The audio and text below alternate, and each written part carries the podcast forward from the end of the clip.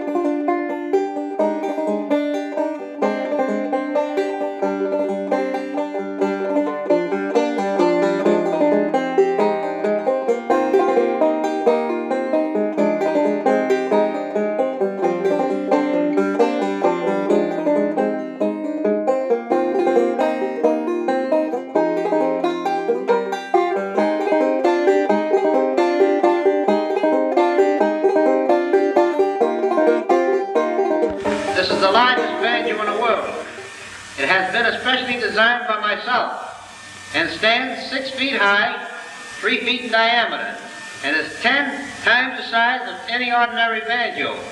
The head is made of calf skin, and the strings are made of special kangaroo gut. What do you say, boys? We give them a tune.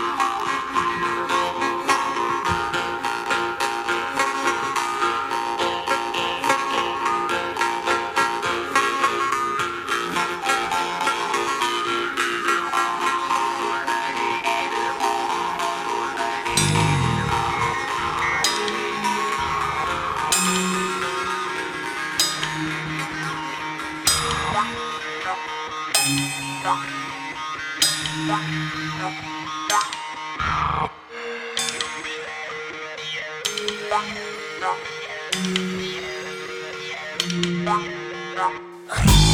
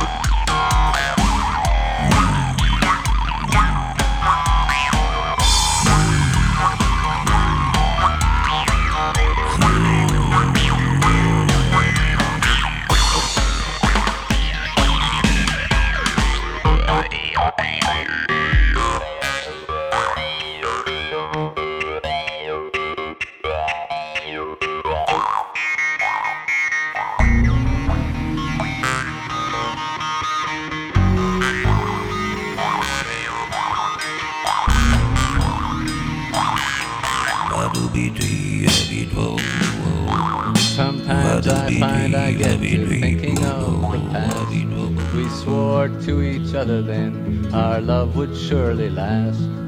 You kept right on loving, I went on a fast. Now I am too thin, and your love is too fast. But I know from your eyes, and I know from your smile that tonight will be fine, will be fine, will be fine, we'll be fine. For a while